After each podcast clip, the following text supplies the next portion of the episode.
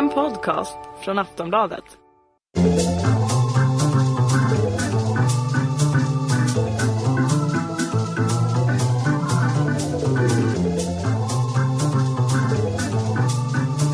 We don't need no education.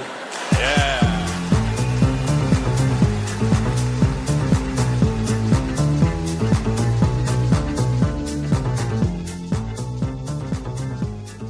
Välkomna till det femtonde avsnittet av Flumskolan, Galagos och Aftonbladet Kulturs folkbildningsprojekt. Våra lektioner sker som vanligt inför publik här på Kägelbanan i Stockholm.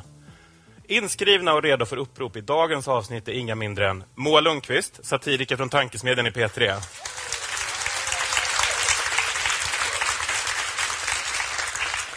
Hanna Olsson, samhällschef på Aftonbladet.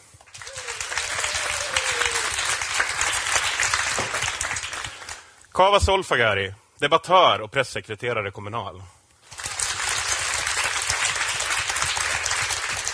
Och Gudrun Schyman, talesperson Feministiskt initiativ.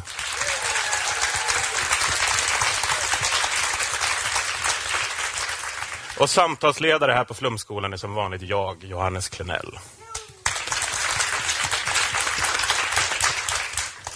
Idag ska vi läsa forne socialdemokratiske finansministern och Göran Perssons lillprins Pernuders klagomur Stolt men inte nöjd.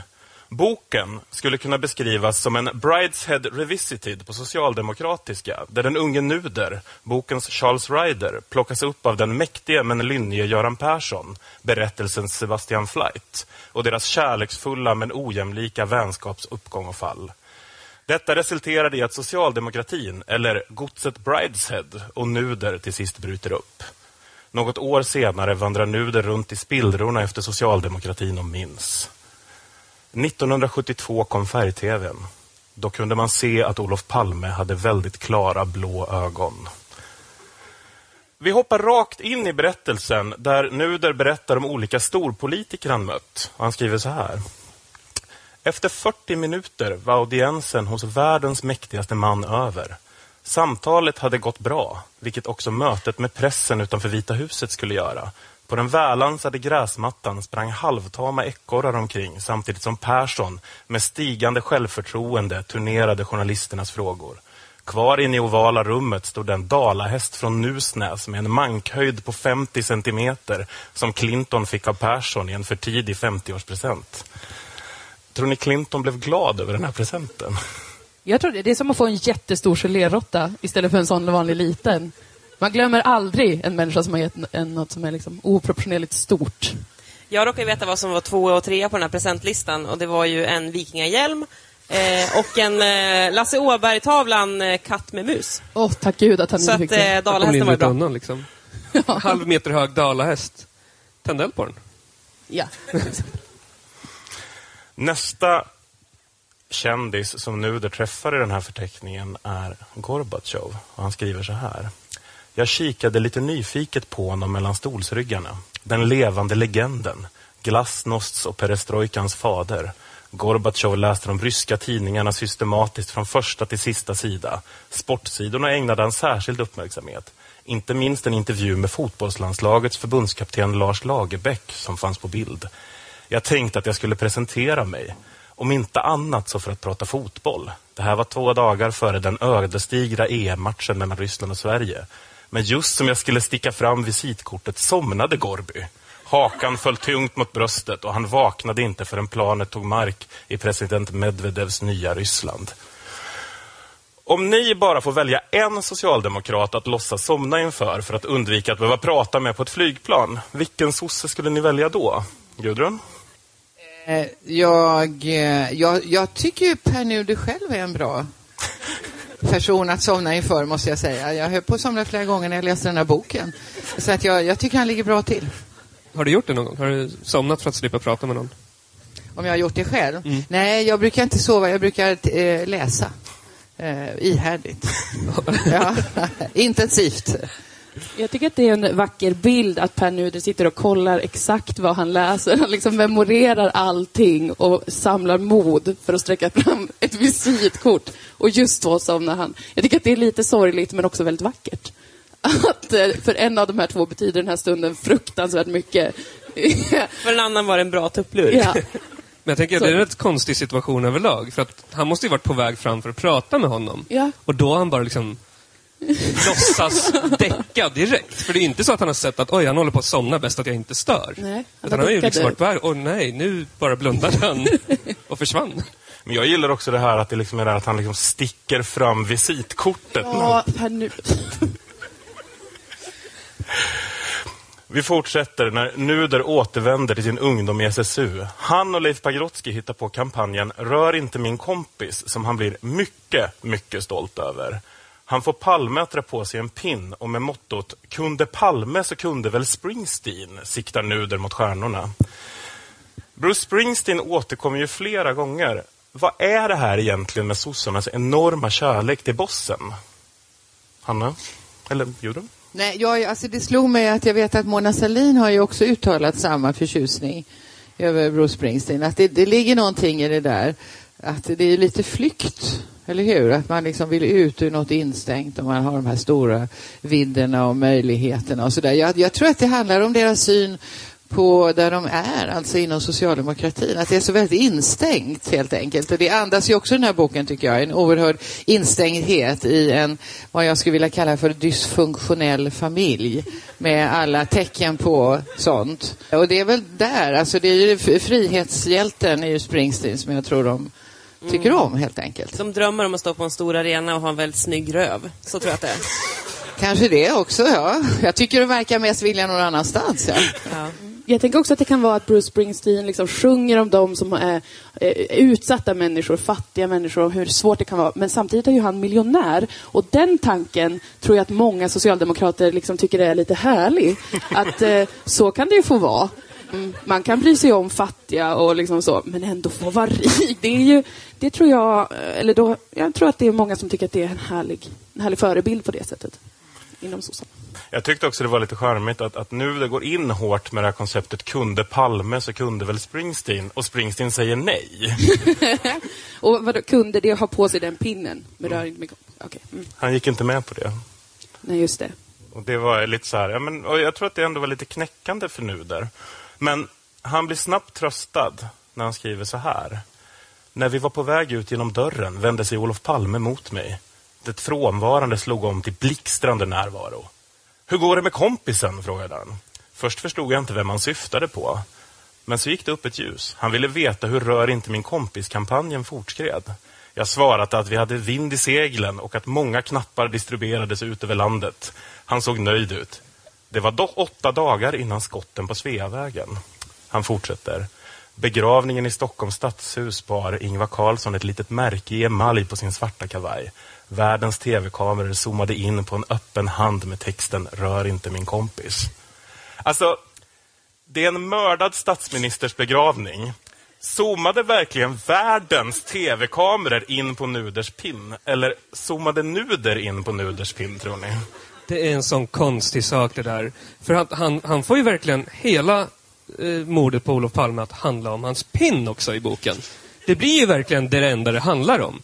Och det är ju liksom, någonstans där så beskrivs ju hela Nuders självbild. Så, ja, statsministern har dött. Men han bar min pin i alla fall. Såg ni allihopa? Han, han skriver faktiskt så här. Sverige blev ett mer slutet samhälle efter mordet på Olof Palme den 28 februari 1986. På rockslaget i vinternatten på Sveavägen bar han ett märke med en öppen hand. Alltså, får han alltså hela Palmemordshistorien att handla om sin kampanj? Alltså, vad är det som Nej, men det är ett sätt för honom att skriva in sig själv i historien såklart. Alltså, han, han, blir, han är ju där tack vare sin pin. Och det är ju lite, lite cyniskt när man läser det här. Lite.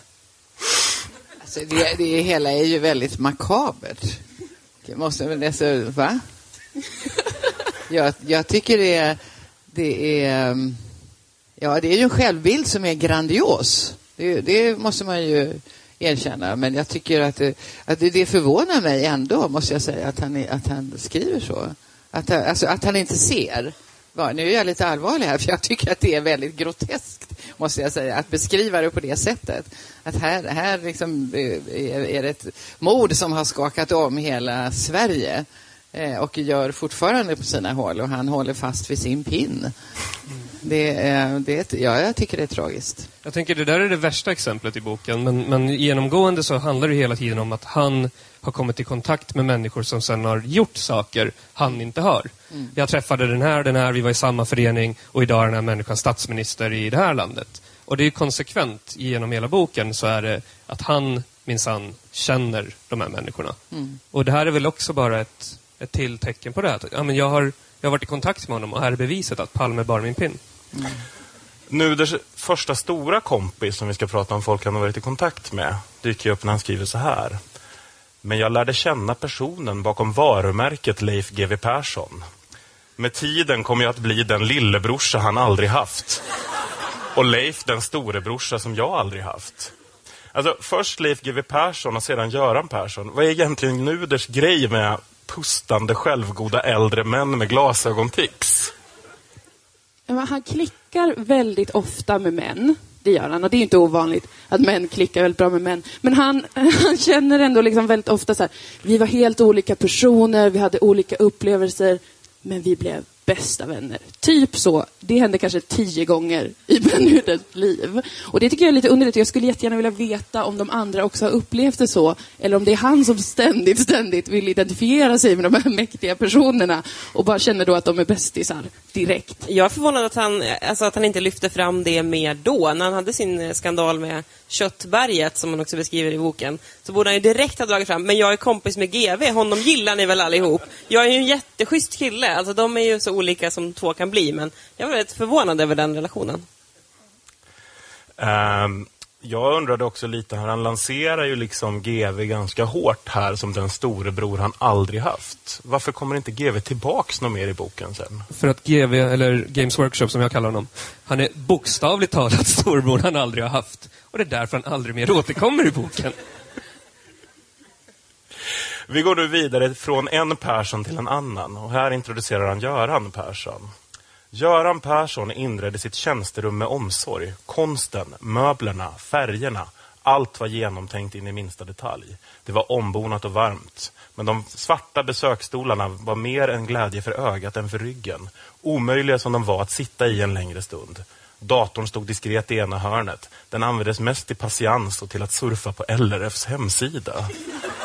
Alltså vad är det för sorts person Nuder vill liksom berätta om här egentligen? Du har ju träffat honom. Gudrun. Ja, det har jag gjort eh, många gånger och i många sammanhang. Och eh, det, är, det, var, det tyckte jag var intressant för att han var den partiledare som var, väldigt, som var svårast att komma in på livet. Eh, jag hade ganska bra relationer med alla partiledare när vi var kollegor och, och jag vinnlade mig om att ha det för jag tyckte det var bra för arbetsklimatet. Eh, och Göran Persson var absolut svårast eh, att knäcka, får man väl säga. Eh, men det gick det också. Eh, och då handlade det om makt. Eh, nämligen efter ett val där Socialdemokraterna inte skulle kunna regera av egen kraft eh, utan behövde också stöd av Vänsterpartiet. Och då, då ramlade den här fasaden. Innanför det där patriarkala pansaret så fanns det ju en människa.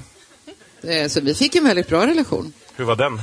Den var väldigt bra. Alltså, den var bra. Vi har ju lite gemensamma bakgrunder av att, eh, att det inte har varit så lätt alltid i livet och, och sådana där saker som gjorde att vi, vi, eh, vi fick ju faktiskt en väldigt bra relation som vi var väldigt glada över bägge två att vi hade uppnått. Eh, nu träffar vi inte varandra men, men eh, det var intressant detta för att alltså, Göran Persson är ju i väldigt hög grad en maktmänniska och som på olika sätt demonstrerar den makten och utestänger också väldigt effektivt och synbart många människor på ett rätt brutalt sätt. Men om man kommer innanför den där eh, barriären så, så finns det ju också en människa naturligtvis av kött och blod och med mycket värme och, och mycket sympati i. Men det tog lång tid, det ska jag säga. Eh, eh och jag, jag eh, tycker mig nog se väldigt mycket av Göran Perssons ehm, svårigheter som barn i att han har eh, barrikaderat sig så mycket som han faktiskt har gjort genom åren. Jag tycker lite av deras inre liv dyker upp i liksom relationen med Nuder när Nuder skriver så här. Vi hade kodord för olika personer. Mest på skoj, men också för att statsministern inte kunde tala i klartext när han skjutsades runt i sin Säpo-bil. DG11, DG2, Gamla husmor, husmor och Burret var omskrivningar för Ingvar Carlsson, Tage Pettersson, Mona Salin, Ingela Thalén och Lars Stjernkvist. Alltså, hur usla tror egentligen firman Nuder och Persson att Säpo är på sitt jobb om de tror att ingen ska fatta att Lars Stjernkvist är kodnamn Burret? För er som inte vet så ska man väl kunna beskriva Lars Stjernkvist som en karikatyrteckning av Adde Malmberg ungefär. Eh, så det krulliga håret är väl liksom inte hans signum. Vad säger du Kava? Vad tror du de tänkte där? Um, ja, jag, jag, tänkte, jag tänkte, när jag läste det där så tänkte jag lite också på att han var ju också besatt av Vita huset, eller West Wing, tv-programmet, verkar det som. För han drar alltid paralleller dit. Och där har de ju ett jättedåligt kodord. Eh, Secret Service där har ett jättedåligt kodord för, eh, eller kodnamn för CJ Craig som är där. De kallar henne för Pelikanen om jag inte minns fel. Och hon är ju lång och liksom kvinna. Och då ska du, en, en, en lång och smal fågel. Liksom. Och jag tänker att det är därifrån han säkert hämtar inspirationen också. För han vill så gärna vara med i Vita huset. Och det får jag också så här he hela tiden känslan av. För särskilt när han skriver om hur det är i det faktiska Vita huset så märker man att så här, han vill ju egentligen jobba för Clinton. Eh, men det blir Persson istället. Apropå Visa huset så skriver han så här. Expressen publicerade 2002 en bild med anspelning på tv-serien Vita huset. Med president Bartlett och hovet runt omkring honom. Vi, de närmaste medarbetarna, står runt Göran Persson i ett gruppporträtt. Bilden är talande. Rör inte vår Persson, ser det ut som att vi tänker. Och så var det. Handlar alltså fortfarande allt om Nuters kampanj i SSU? Moa? Ja, men det måste det ju göra. Göran Persson är ju kompis. Det är ju... Allting återkommer till den kampanjen. Det tycker jag är vackert också. Ja. Jag tycker att det är lite fint att han ändå ser Göran Persson som en fysisk manifestation för ordet kompis här. Men vad säger det om Nuder egentligen? Vad säger du, Anna?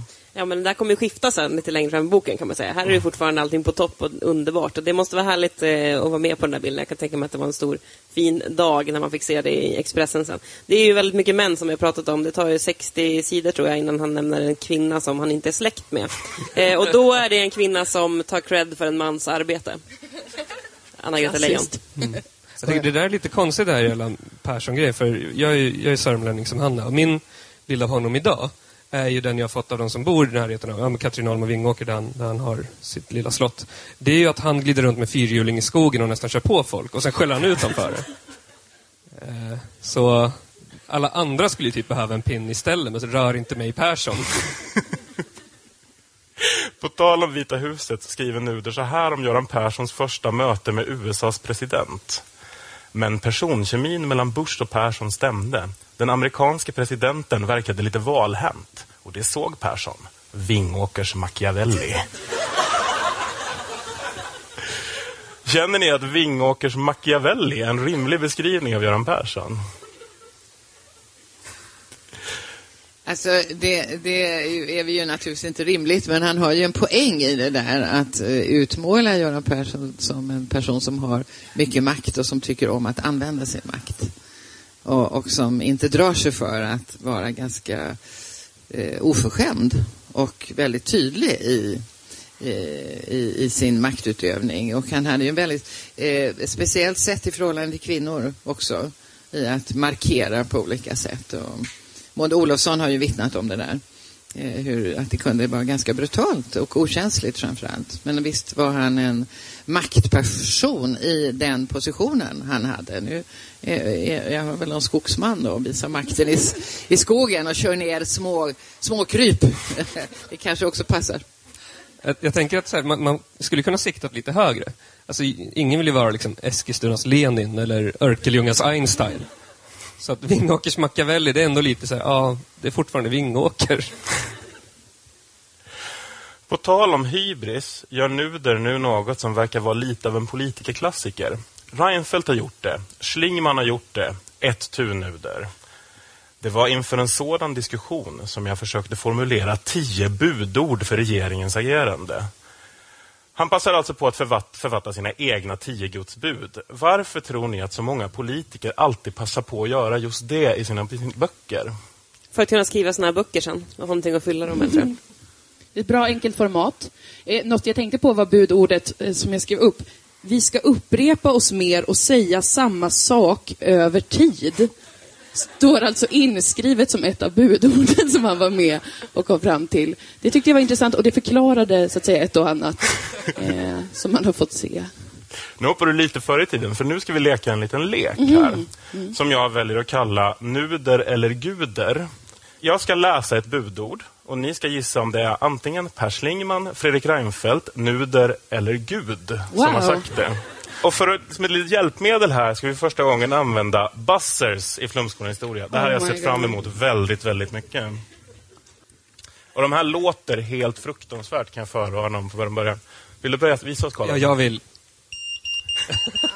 Utrym lokalen. Sänk ljudet på era hörlurar. Nej, gör inte det. Höj. Skulle alla gjort det här. Så man ska- trycka på den här jätte, så det kommer en jätte, jättelång signal. Ja, Okej. när man kan svaret. Men alla låter ju likadant, inser jag nu. Och så lyser en liten lampa. Ja, Okej, vi får kolla det, det... det ska ja. sägas att jag beställde de här på Ebay för 400 spänn. Ska vi, ska vi trycka här när vi kan svara? Ja, det stämmer. När vi tror att vi kan svara. Ja. Jag hoppas ni är tävlingsmänniskor. Tyvärr. Men vi kör. Minst en är ju det i alla fall, tror jag. Första budordet. Vi ska bättre fokusera på redan genomförda åtgärder. Jag tror att det var nuder. Det är nu där, det stämmer. Ett poäng till. Hej!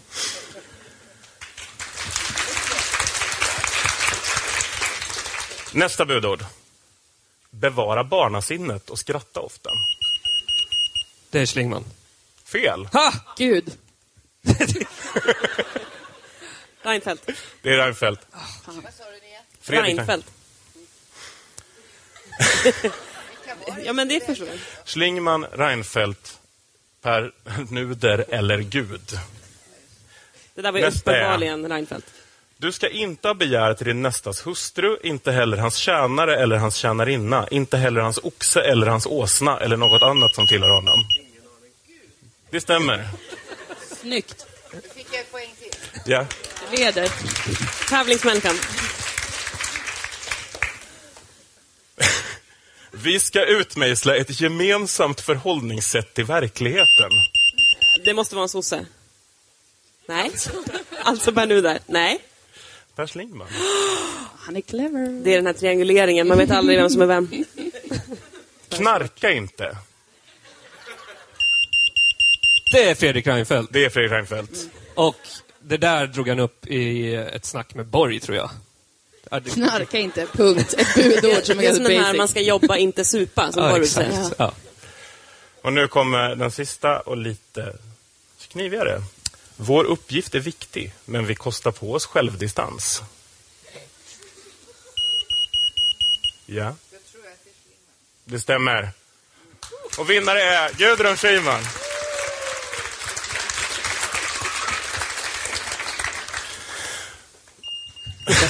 Jättebäst.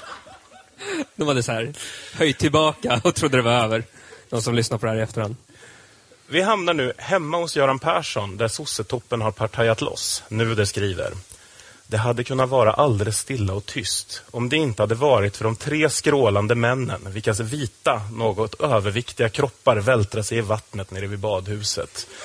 På den insynsskyddande bryggan var kylboxen med dryck och tilltugg tömd. Seansen på bryggan i badhuset led mot sitt slut. Sten Olsson och jag lullade iväg till den framdukande, väntande middagen i Harpsunds matsal. Statsministern cyklade före som ett jehu. Sällan var han så lycklig som när han fick leka sin favoritlek, smita från Säpovakterna. Vidare skriver Nuder, väl framme i matsalen, där det orientaliska porslinet hänger på väggarna, mötte vi en plågad statsminister. Blek om nosen och med svåra smärtor stönade han. Jag har ramlat, cyklade omkull, jävla jätteblad där vid vändkorset, fuktiga, föll rakt ner på axeln, måste ha brutit något, jämrade han sig. Efter några timmar återvände han, stolt som en tupp med en bunt röntgenbilder i handen. Det är inte vilken skada som helst. Det är ett allvarligt och komplicerat nyckelbensbrott. Se här, mitella och mycket starka värktabletter. Alltså, det här att nu den mest beskriver Persson som någon sorts romersk barnkejsare. Vad tänkte ni om det? Moa? Eh, nej, men jag tycker att det är, eh, man får en väldigt, väldigt underlig bild av Göran Persson. Eh, precis som du säger, som, som en, eh, en ung kung som bara ballar ur och springer runt, vill äta jättemycket mat, blir arg om något är fel. Jag älskar det citatet som han har skrivit, att Göran Persson fräste, ska det vara så svårt med trossen inför ett bord med kallskuret? Att han liksom blir så här upprörd och arg när han inte får exakt den mat han vill ha. Och att han liksom är... Och jag undrar om han är så. Det kan jag faktiskt tro. Faktiskt. Så att, eh, det, det är säkert en sann bild. Vad tror du? Alltså, nej, men jag tyckte den där, hela den där eh, sekvensen där är så... Alltså tänker jag, det, åh, dessa pojkar. Det, det, det är min så här, oj vad de håller på. Eh, och det är väldigt mycket sånt i hela boken. Det är väldigt mycket pojkar som är på den där nivån, att man är lite pojkaktig och man håller på med sina små, små, små lekar och det är lite sådär. Alltså det, det är, mm, ja, Alltså det, man blir lite bekymrad, eh, tycker jag, med tanke på, på statusen, på förtroendet för politiken och regeringen och, och, och sådär. Att det, det är på en sandlådenivå. Eh, och eh, det, det är pappas pojkar och det är maktens pojkar och det är väldigt internt eh, och väldigt eh, barnsligt. Får man, säga. Jag kallar ju Göran Persson för pappa också.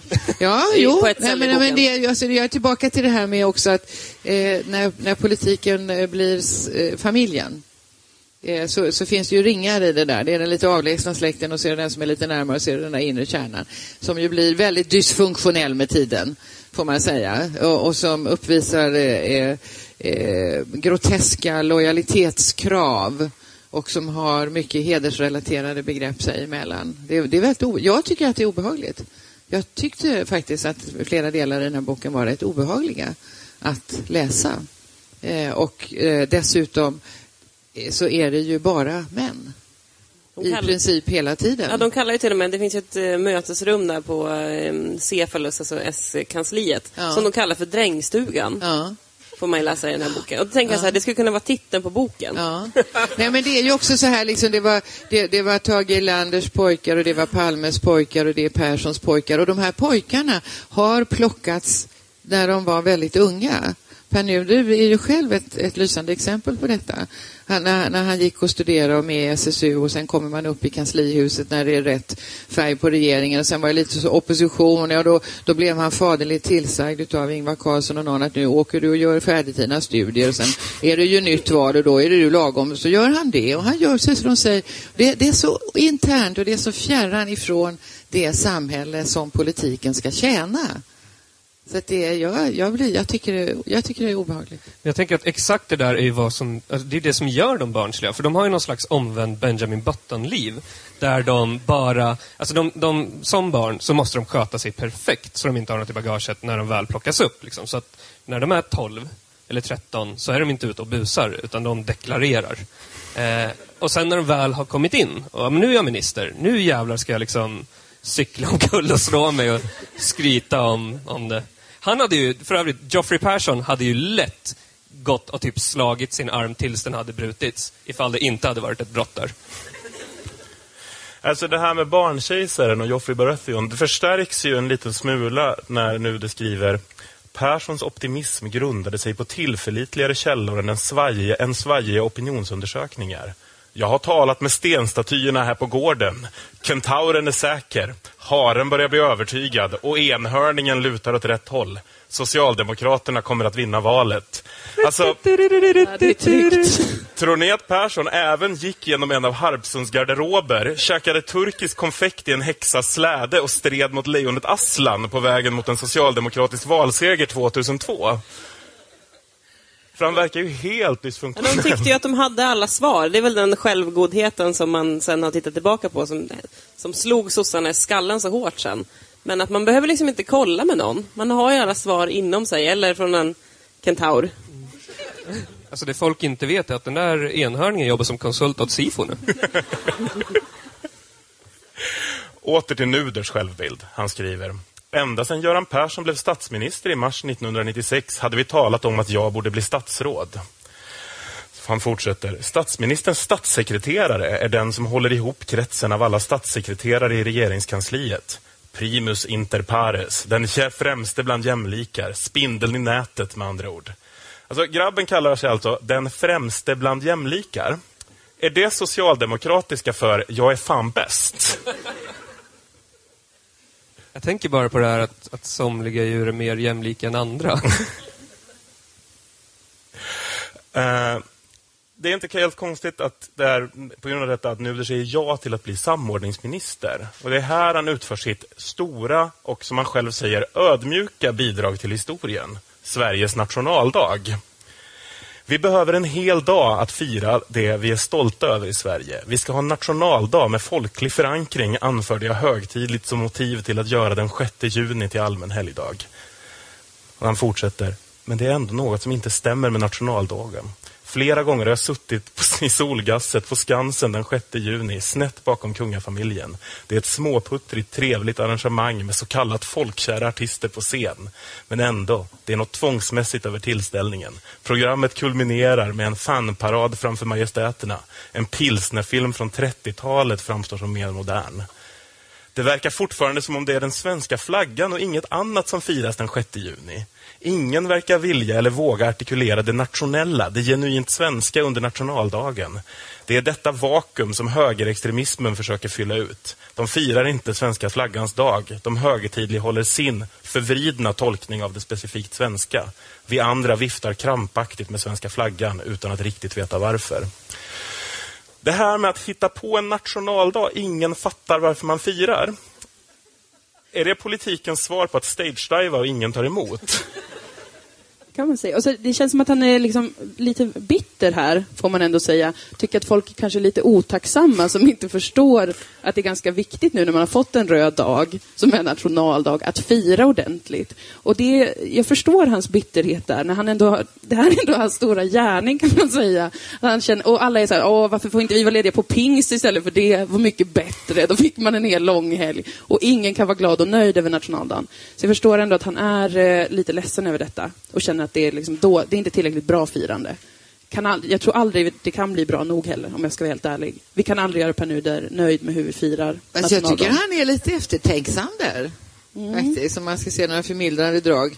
Eh, så, så tycker jag nog att det andas en viss eh, lite sådär att ja, det var, han tänkte väl men det blev inget bra. Och det är ju precis som du säger att det kan ju aldrig bli bra. Alltså, det går ju inte att kommendera fram folklighet uppifrån. det, det har väl ingen lyckats med riktigt. Eh, och, och det gjorde inte han heller. Och ändå hade han sådana fantastiska idéer om detta. Han trodde det kanske det skulle bli ett stort, ett stort slagträ mot nationalismen och fascismen och, och så. Och så blev det inte det. Och så tvingas han ändå konstatera det. Att Jag tycker han är lite klädsamt eftertänksam. Ett lite förmildrande drag. Ja, mitt i den här storvulenheten. Det är väl tur för honom i sin besvikelse att han nu får byta ministerpost. Och han skriver, jag började mentalt ställa in mig på att bli finansminister. Och så beskriver han sin första dag som finansminister så här. Väl inne på finansministerns rum hängde jag upp rocken, satte mig försiktigt i stolen och höll omedelbart på att trilla av densamma. Vilken chock! På väggen där Ernst Wigforss 20-, 30 och 40-talens legendariske finansminister brukade hänga under Ringholms tid hade någon placerat porträttbilden på Kjell-Olof Feldt, kanslihushögerns gudfader. För somliga en politisk motsats till Ernst Wigforss, dock inte till mig. Jag tog varsamt ned Kjell-Olof, bar ut honom i väntrummet med alla fotografier på väggen. Familjegraven, som Göran Persson brukade kalla rummet. Snart förstod jag vilka de skyldiga var till denna kupp. Den ene är placerad i familjegraven mellan Ann Wibble och Erik Åsbrink. Den andra vilar på kroken efter Åsbrink. Persson och Ringholm heter de skyldiga förstås. Alltså, Göran där, Persson kan ändå dissa honom så han nästan trillar av stolen med ett porträtt av Kjell-Olof Feldt. Vad säger det här oss om Nuders känsloliv egentligen? Jag Jag måste bara påpeka en grej först. Hela det där stycket, för mig så var det som att någon hade åkt ut till, liksom, hittat en civilisation som aldrig haft kontakt med andra människor och sen spelat upp Filip och Fredriks podcast. Och bara, här har ni, förstår ni referenserna? Och ungefär så kände jag inför det här stycket. Jag Ja, fattar jag- ingenting. Nej, Vem är de här, vilka är de här människorna? Vad, vad gör de? Varför är han arg på dem? Varför? Var, var är jag? Jag blir bara förvirrad, lite ledsen, stolt men inte nöjd. Det var ett konstigt ret. Jag trodde det skulle komma något mycket, mycket roligare. Alltså om man ska jävlas med någon på deras första dag. Ja, det var en besvikelse tycker jag. Jag tycker att Persson borde ha varit lite finurligare där. Ja, för att han verkar ju ändå kunna liksom eh, busa till det. Så att jag tyckte att han hade kunnat komma på något roligare. Även hans mor verkar vara inne på starka reaktioner. Och nu skriver Men hur ska det gå? Du kan ju inte räkna, utbrast min mor när hon fick höra nyheten om finansministerposten. Själv verkar han dock rätt nöjd. Det var en surrealistisk upplevelse att promenera den korta sträckan från andra till första statsmakten. Runt omkring mig smattrade kameror. Journalister från tredje statsmakten skrek i mun på varandra. Vad är det bästa med budgeten? När kommer jobben? Hur stort blir överskottet? Hur känns det på din första budgetpromenad? Jag känner ändå att det är rätt rimligt att ifrågasätta här om journalisterna verkligen bara ställde frågor till Nuder i stil med Är din budget bäst eller superduper bästast i hela världen? Jag tror att han hörde det bara. Det, och jag- här känner man verkligen att det, för honom är det här the rockstar life, att vara politiker. Det, han har kämpat hela sitt liv och det är verkligen the fame and the fortune som han är ute efter. Och när han får gå där och kamerorna blixtrar, det är ju exakt som en, som en ung person som har velat bli rockstjärna hela sitt liv och äntligen får gå där. Fast skillnaden är då att folk skriker eh, hur ser budgetöverskottet ut? Vilket inte är lika sexigt. Men det tycker Per Nuder. Jag vet inte, jag har aldrig varit där när det händer. Är journalisterna så här okritiska? Men... Ja, men det måste Ja. man väl säga att de där promenaderna ser ju ut på det där sättet. De trängs ju och trampar nästan ner varandra och det är ju en hysteri som råder. Så så är det ju. Det är ju en vä- väldigt laddad stämning. Och så där, alltså, så där kan ju journalister vara ibland. Absolut. Det det är, är ju någonting- inte stället för djuplodande intervjuer heller när man Nej. står där och, och skriker liksom. Så att det, det, alltså, ögonblicksbilderna är, är nog eh, ganska sanna. Sen är det ju sen är det en annan fråga hur man upplever det. Eh, och det men han tyckte nog att det var väldigt kul. Mm, han vill ju inte bjussa på någonting till journalister. Han pratar ju ofta om det, eller han, han skriver om det i boken att eh, även om hans fru råder honom att han inte ska framstå som en arrogant maktmänniska utan släppa in journalister så vägrar han att göra det. Mm. Bra eller dåligt? Det kan man... Jag tror att det har lite att göra med det som vi kommer till nu. För efter Nuder tillträtt som finansminister bör hans relation med Göran Persson skära sig allt mer då han nu måste ta ansvar gentemot statsministern. Han skriver Aftonbladet basunerade ut att statsministern hade läxat upp mig. Jag tittade strängt på, nu är det vad Persson säger här i citatet. Jag tittade strängt på honom och frågade vad han egentligen menade. Vi var några stycken som tittade på samma sätt, alla födda på 40-talet. Och då spred sig en rodnad över unge herr Nuders vackra anlete. Refererade Aftonbladet Göran Persson. Det var första, men långt ifrån sista gången som statsministern offentligt skulle komma att kalla sin finansminister för unge Nuder. Trots att jag är två år äldre än Fredrik Reinfeldt. Alltså vad håller de här sossarna på med egentligen? Ja, men de håller ju på med ett eh, utvecklat och invecklat familjeliv. De håller på att positionera sig. Det, det är ju det politiken handlar om, alla de här olika posterna och hur det plötsligt kan uppstå en helt ny minister som heter samordningsminister. Det har aldrig funnits varken förr eller senare. Och det är ju för att det handlar om personer som måste positioneras i förhållande till makten. Och det är, det, det, det är bara det det handlar om. Och så där ser det ju ofta ut i dysfunktionella familjer också. Och då får en del bli bärare av eh, det, det som är positivt och andra det som är negativt. Många är ju bärare av det som är sjukt. Så ser det ut också här, får man ju säga. Hur jobbigt tror ni det var att jobba med Göran Persson? Jag tycker det låter jätte, jättejobbigt verkligen. Ehm, Men han hittar ju, vi pratade om det lite grann innan, att Per Nuder verkar vara en sån person som eh, Hans funktion som vän är att vara väldigt bra att ha. Men de trivs aldrig riktigt ihop. Det är som att alla drar nytta av varandra fast det finns inte riktigt eh, någon, någon kärlek de här människorna emellan. Det är väldigt, jag tycker det är väldigt eh, cyniskt på många sätt, mycket av det som står i den här boken. Det låter väldigt fruktansvärt att leva eh, på det sättet. Att bara umgås med folk för att man drar nytta av varandra eh, på sitt jobb. Han gamear ju aldrig tillbaka Persson heller. Det får man ju säga hedra honom. Han hade verkligen kunnat drämt tillbaka, men han vill ju inte ge sig in i det där. Och det blir också ja, det blir ju lite sorglig stämning över det, att det där får stå oemotsagt. Men jag undrar, som vem som är, boken i alla fall. jag undrar vem som är rikast av de två nu, alltså Per Nuder och Göran Persson. Per Nuder är ju typ miljardär nu för att han är liksom rådgivare åt riskkapitalbolag och lever la vida loca. Eh, och Göran Persson är ju också väldigt, väldigt rik. Men jag tänker mig att om Per Nuder är rikare än Göran Persson nu, det kanske är det som är hans liksom, motivering, eller vad säger man? Men då Motivation hade det definitivt stått i boken. Det borde ha stått i boken. Men jag undrar om han var så rik då? Eller, när Ja, men han jag, skrev vet, vet här? jag tror inte det alls Han det kan skulle inte bli rik på boken Nej, nej, definitivt inte. Det kan Men jag tror inte han hade skrivit det. Alltså, det- jag, jag tror att definitivt att han är rikare än Persson. Men du kommer aldrig se Nuder på en fyrhjuling i skogen. Nej. Och Det det, är liksom, det, hans, det är inte hans stil. Han, Nej. är väldigt, han skulle kunna ge dig en fyrhjuling att åka för honom. Men jag, för jag tänker mig om han har levt så här, jobbat med Göran Persson, känt sig, varit oerhört förtryckt av Göran Persson under flera år och stått ut med Göran Persson. Att han måste ju få ventilera det på något sätt. Han måste ju få någon revansch. Han säger ju aldrig ett ont ord till Göran Persson. Han hela- tänker gubbjävel kanske, en gång. Men Fast- annars står han bara ut med. Nej, för nu kommer vi till när konflikten med Persson eskalerar. Ja, och då skriver det han så här. Jag samlade ihop mina papper för att lämna regeringsrummet. Hit men inte längre, tänkte jag. Om du går nu så kommer du inte tillbaka, väste han över bordet tillräckligt högt för att halva regeringen skulle höra vad han sa. Ställd inför det hotet retirerade och jag, stann- jag stannade kvar. Men inom mig bubblade det av raseri. Den jäveln, tänkte jag. Men efter sammanträdet gick vi in på hans tjänsterum. Det var bara han och jag. Brothers in arms sedan tio år tillbaka. Jag skrek åt honom. Jag har ställt upp för dig i vått och torrt. Jag har slängt mig framför tåget för din skull. Jag har tagit så mycket skit för dig och så gör du så här mot mig. Förödmjukar mig inför hela regeringen. Fy fan! Till slut hade även jag drabbats av HSB. Han som bestämmer.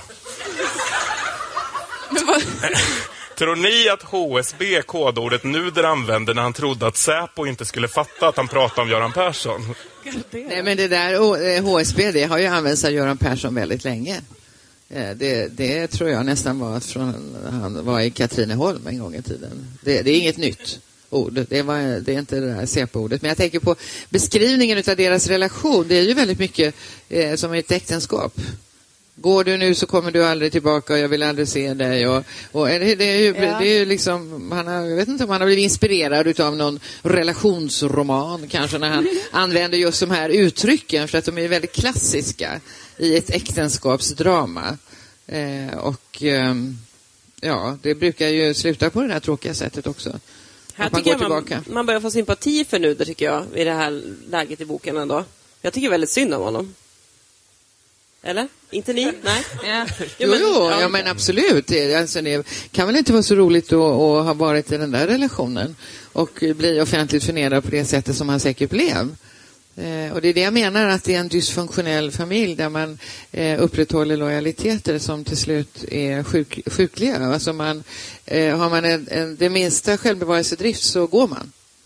Eh, och eh, för- förhoppningsvis mycket tidigare ifrån den här typen av destruktiva relationer.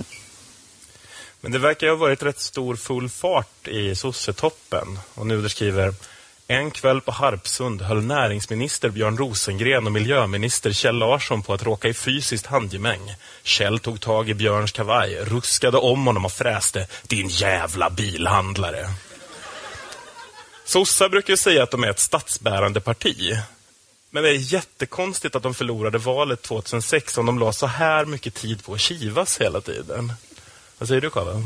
Eh, jag, jag tänker bara på ja, men alla de här som är runt omkring Persson. Det, det går ju hel, åt helvete för de flesta på ett eller annat sätt. Och liksom, de känner sig överkörda, de känner sig, känner sig rejält mosade av honom. Och det är ju liksom för att de är nära han. Jag har aldrig någonsin befunnit mig nära Göran Persson. Men jag känner mig ungefär likadant. Kan man säga. Som någon som liksom var, blev politiskt medveten under tiden han styrde. Så det verkar vara något så här, ju närmare du kommer, desto värre blir det. Men det räcker att bara befinna dig inom Sveriges gränser också. För flera av dem som satt med Göran Persson har ju sen gått vidare till näringslivet. Det här styrker min tes om att det är en slags ventil för allt man har stått ut med när man har jobbat med Göran Persson. Att man sen söker sig till en bransch där man får vara kung och inte behöva känna sig lite sämre. Jag tror att det är en oerhört bra analys jag har gjort. Eh, återstår... ja, ja, men det tror jag. Det får vi ge mig. Tack. En kil slås ned mellan våra brothers in arms och Persson och Nuders vänskapshöst går mot vinter. Nuder skriver Banden mellan mig och Göran Persson tunnades ut under våren 2006. Kan jag lita på att han stöder mig i kritiska förhandlingsskeden, både internt i regeringen och gentemot samarbetspartierna? Frågan plågade mig. Jag vaknade ofta vid fyra tiden på morgnarna och hjärnan gick på högvarv. Våra frukostar på torsdagarna blev allt mer ansträngda. Det blev mindre och mindre av givande och tagande i diskussionerna. Jag borde kanske inte ha övergivit Göran Persson genom att bli hans finansminister. God only knows, som The Beach Boys sjunger i historiens vackraste låt. Som så många gånger förr gick jag några meter bakom Göran Perssons breda ryggtavla. Men den här gången insåg jag att det inte var någon idé att följa efter. Jag såg honom försvinna i folkhavet. Han behövde mig inte längre. Det var över.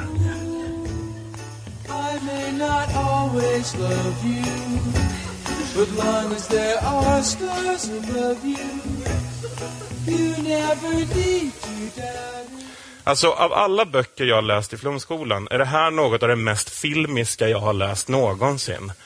På en skala från 1 till 10, hur många bromance-poäng ger ni den här berättelsen? Vad säger du, Moa? Ja, men den får nog faktiskt ah, åtta får den av mig. Jag tycker att den, just den där, uh, oj vad starkt. Där vill man ju bara gråta. Men jag tänker också på när Nuder tog hand om Persson där efter att han hade brutit armen. Det finns jättefina scener där. eh, Och de visste liksom inte hur nära vi stod varandra. För att han fick ju hjälpa honom med påklädning. Just det. Ja, men det tänker man ju också på nu liksom när han behöver mig inte längre. Det är ju extremt mycket som en relationsroman. Alltså, ja, det, det vore ju spännande att se en film på det där. Eh, en, och, och, så, och så tänker jag så att man kan ju lyfta upp det då till att det kanske handlar om socialdemokratin i förhållande till samhället. Inte bara Nuder i förhållande till Persson, utan socialdemokratin som har lite svårt att, att bryta upp från de här gamla patriarkala tänkandet och maktmönstren som håller på att förgöra hela organisationen. Och så går de iväg där och så säger de samhället behöver mig inte längre. Och så blir det, det, det, det kunde bli ganska bra. Jättestarkt. Som en, som en samhällskritisk eh, granskning. Va? Det finns för få romantiska och samhällskritiska filmer. Ja. Ni beskriver rena mardrömmar känner jag. Sossarna förlorar i alla fall valet. Persson avgår. Nu det fortsätter. Vi tvingades gå i opposition. Men det mediala strålkastarljuset var alltjämt riktat mot förlorarna i Sveriges socialdemokratiska arbetarparti. En fråga hängde kvar i den klara höstluften. Vem ska efterträda Göran Persson? Jag hade just hållit tal inför några hundra i partiets grädda. Det var upptakten in, inför folkomröstningen om EMU någon månad senare. Nu får du räkna med att framstå som partiledarkandidat. Uppenbarligen hade talet gjort intryck på publiken. Jag inledde med att berätta om vedermödan att komma igång efter semestern. Sommartidtabell eller vintertidtabell på bussen. Hur var det nu igen man knyter en snygg slips? Lösenordet i datorn. Alltså, sett till att Persson inte ens kunde cykla är det jättekonstigt att partiet blev så djupt imponerade av att Nuder kunde läsa busstidtabellen. Jag, jag, jag hör inte vad du säger, det enda jag hör är internationalen just nu. Knyta en slips och, och sätta igång datorn och upp till kamp. Nu är i alla fall ödmjuk och låter oss veta att jag vet inte när jag för första gången fick frågan om jag ville bli partiordförande, men det måste varit för många år sedan. Men här kommer en riktigt ny sida hos Nuder fram. Partiet gick på tomgång och väntade på Godot. Och inte blev det bättre av att det stundtals kändes som att det inte var en utnämningsprocess som partiet höll på med, utan en exkluderingsprocess. Vem som helst, bara inte Nuder. Vad tyckte ni om den här nya bittre Per Nuder som tittar fram här? Alltså när han skriver så där så, är, så gör han sig ju stor. Alltså man skriver ju inte så för att visa på att man är liten utan det är för att han har en storhet som de andra inte förstår. Eh, ska vi förstå när han skriver så där? Så att jag, jag, jag tycker inte att han har genomgått någon förändring. Utan det är bara att han använder andra verktyg, så att säga. Man kan förstora sig genom att förminska sig om man själv får göra det. Det är ju det han gör där. Och då lyfter han ju upp sig själv igen som någonting väldigt stort och sen beklagar han de som inte har förstått det. Det som man brukar kalla för humble brag. Men inte så humble. Nej, för att sen skriver han, själv beslutar jag mig för att ta ett steg tillbaka och ta så lite utrymme i offentligheten som möjligt. Det var viktigt att Mona Sahlin fick sätta sin egen prägel på det parti som skulle välja henne till ordförande. På samma sätt som Göran Persson tio år tidigare angav tonen för sitt ordförandeskap var det nu Mona Sahlins tur att fila på sitt installationstal. Jag fanns där om hon behövde mina råd. Som partiets ekonomisk-politiska talesman utsedd av den socialdemokratiska riksdagsgruppen. Men jag kände att det var viktigt att initiativet kom från henne. 2005 kom Neil Strauss The Game och 2006 försöker Nuder negga Mona Sahlin. Kan det här verkligen vara en slump? Jag skulle vilja se Per Nuder i någon så här fedora med en fjäder som sticker upp och lila kläder. Och... Nej, vänta, jag vill inte se det där alls. Han påtalar väldigt mycket hur eh, mycket han gillar Mona Sahlin. Jag har absolut ingenting emot att Mona Sahlin blev partiordförande. Absolut. Det är helt fint med mig. Hon är en jättekompetent kvinna. Vi känner varandra sedan evigheter och så vidare. Det trummas det på väldigt mycket. Men han blev ändå lite irriterad i början av boken där han skriver om att hon har varit ute och, där, eh, och fiskat efter och liksom frågat runt så här, men jag skulle väl inte kunna vara partiledare. Och att eh, det lyser igenom att han liksom tyckte att det var irriterande att hon var ganska svag som människa som var tvungen att gå runt och fiska det- efter bekräftelse på det. Det är till och med värre än så. Eh, Ja. För hon kommer inte säga inte ska väl jag vara partiledare, utan hon säger inte ska väl Mona Sahlin vara. Hon pratar om sig själv i tredje person också. Oerhört.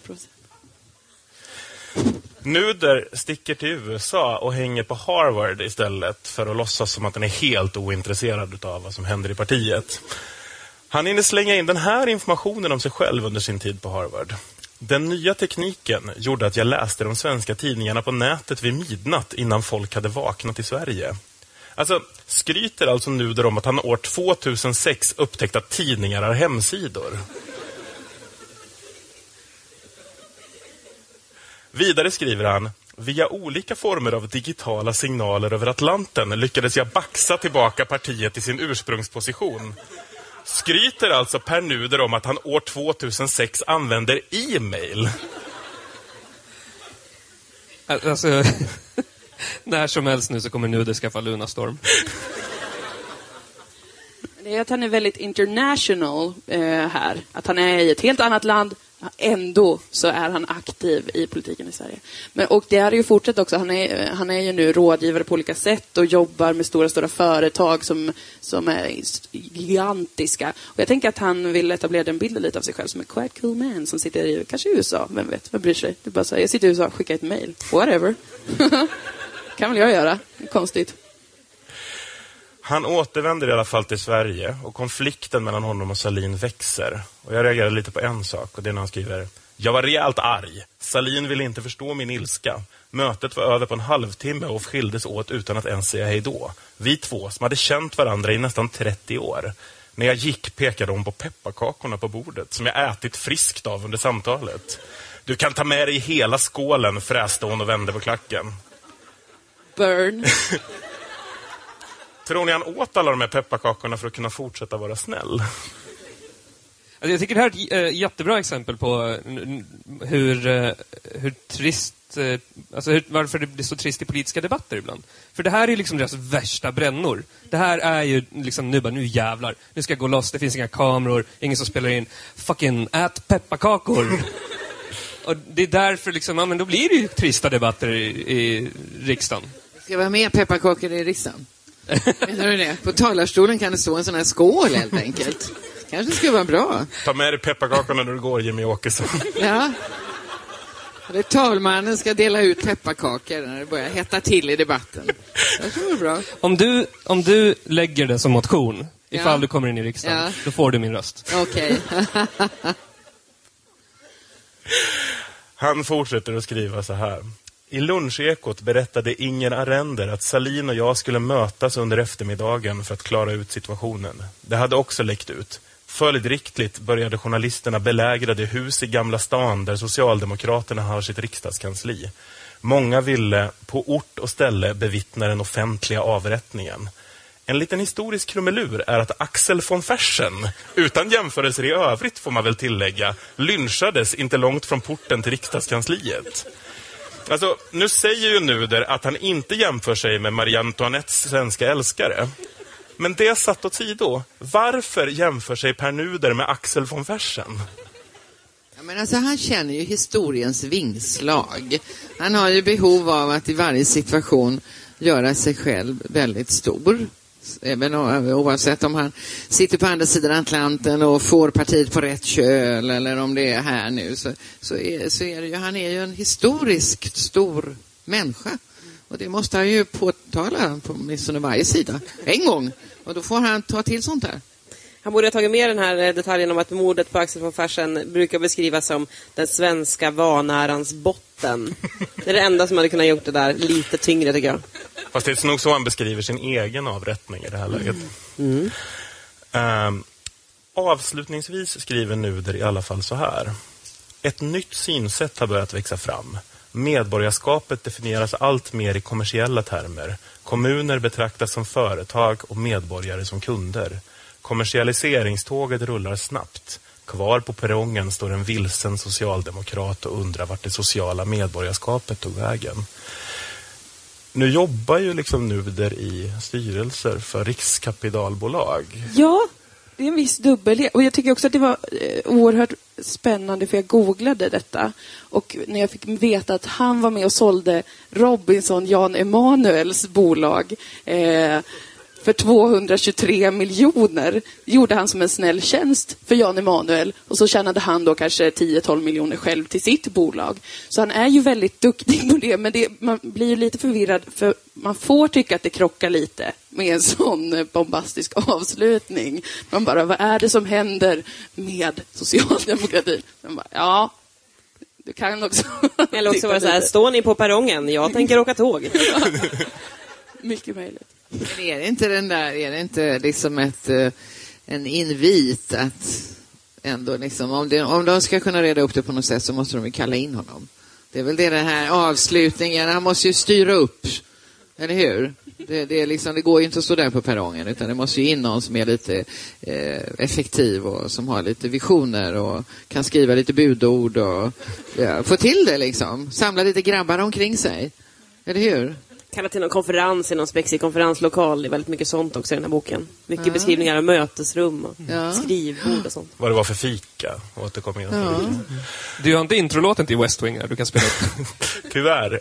Um, Gudrun, avslutningsvis så, eh, men, men, på, den- för boken, men, men han hinner ju slänga en känga till dig innan han bryter här också och säga att han lyckades stoppa Vänsterpartiet från att bli ett 10 parti i den här vevan och att det är det han tar med sig någonstans in i framtiden. Det har jag, det har jag lyckats förtränga. Va, va, va, du nämns två gånger i boken kan jag berätta. Jag har tagit lite statistik på det här. Och, och ena gången så nämner han ditt misslyckande, andra gången att han lyckades stoppa dig och ditt parti under den här. Och Du tittar inte ens på det. Nej, jag, jag ska ju erkänna att jag läste lite snabbt sådär, för jag tycker ju inte han är så intressant, men vad jag, när vi stöter ju på varandra. Det, jag tror det, det största, egentligen är det så här, att genom att han var rätt klantig så är, kan man nog tillskriva honom det faktum att vi idag har ett parti som heter Feministiskt initiativ. Och det är en intressant historia. För att när jag hade lämnat Vänsterpartiet för att det blev för trångt med feminismen där och gick ut i samtal om vad vi skulle göra, eh, då hade jag först en idé om att vi skulle starta en folkbildningsrörelse. Alltså en stor folkbildningskampanj som skulle gå som en ångvält över landet under fem års tid från norr till söder i samarbete med Länsstyrelsen och sådär. Eh, och det var ett väldigt, väldigt bra projekt som jag hade fått eh, Perssons öra. Eh, för det är ju så här att när man är är partiledare och inte det längre, då får man en fråga utan den som har, han som har makten. Vad vill du göra? Eh, och då ska man förvänta sig, ja, jag tar den där posten eller den där posten. Eller alltså så. Och det gjorde inte jag, utan jag sa, jag, jag ska folkbilda om feminismen. Jaha, sa han. Och så hade jag ett helt koncept för det. Eh, och det, det skulle då regeringen ta under sina vingar för att ge lite starthjälp eh, med, ekonomiskt. Och jag processade det med den dåvarande biträdande statsministern som heter Margareta Winberg och som ju då var jämställdhetsansvarig. Och sen så skulle det ju igenom finansen. Och på det sista mötet, det här är stor dramatik, kunde bli en egen bok. Eh, på det eh, sista mötet där regeringen skulle ta ställning till detta nerbantade förslag som hade gått igenom Nuders eh, kontroll så, så dök det upp konstiga artiklar i tidningarna om att, att jag ville starta ett nytt parti och nu var det liksom oj, oj, oj och sådär. Så det så Margareta Winberg fick ju sparken, det var ju inte bara därför, men hon fick det på samma möte och det här plötsligt var det ingen som ville ta ansvar för överhuvudtaget. Eh, och resultatet av det blev att jag förstod att det där var ingen framkomlig väg utan man fick hitta på en annan väg och det är det som nu är Feministinitiativ. Eh, så att han, ja, jag kan ju faktiskt tacka honom för det. Ja, han, eh, genom att han inte var så smart så la han grunden för det feministiska genombrott som vi ser idag. Det är inte dumt. Jag tror han får skriva, jag får skriva till ett, ett kapitel där. Jag tror det räcker med om du sätter på dig en rör inte min kompis-pin när ni går in i Ja, riksdagen. kanske det, kanske det. Honom i salig åminnelse. Han avslutar i alla fall boken med att prata Springsteen. Det finns inte en levande själ i det här rummet som inte står i tacksamhetsskuld till dig, sa Bruce Springsteen och vände sig till Bob Dylan. Tror ni att Nuders, i Nuders drömmar så är det precis så här han och Persson en dag sluter fred? Vem är i så fall Springsteen? Ja, men alltså, de, deras förhållande är ju att, att Persson ändå är liksom nummer ett och nu det nummer två. Men jag tror att de, att de, de skulle bekräfta varandra i ett sånt här rollspel. Det tror jag. Jag tror de skulle känna sig väl till mods helt enkelt och kanske till och med säga att vi, vi är nog kompisar ändå. Så sätta varsin knapp på varann skulle de göra i slutscenen där och så kommer låten och alltihopa och en solnedgången och jättebuffé och så Harpsund och hela. pratar de om Va? baltstaterna. Allting är härligt. Den perfekta trossen rullas En fram. perfekt tross, en cykeltur. För att avsluta det här nu då. Vem ska läsa den här boken? Moa? Eh, Göran Persson. Viktigt. Det är, det är den enda. Absolut den enda. Hanna? Ingen aning. Men jag tyckte den var intressant. Det kanske jag kommer till sen. Jag, jag håller med, jag tycker faktiskt den var intressant. Och av alla de böcker jag har läst i Flumskolan så är det här helt klart den som har varit mest välskriven. Det har, inte, alltså det har inte alltid varit superviktiga grejer som har tagits upp. Men jag har faktiskt lärt mig väldigt mycket om, om hur eh, Sveriges riksdag och regering fungerar. Eh, och eh, nej, men på riktigt, läs den. Gudrun? Ja, alltså, jag, jag känner mig kluven. jag tycker, å ena sidan så tycker jag det finns ofantligt mycket mer intressanta böcker att läsa än den. Eh, och andra, eh, alltså om man ska vara, vad har man sin tid till så skulle jag nog inte sätta den här som första.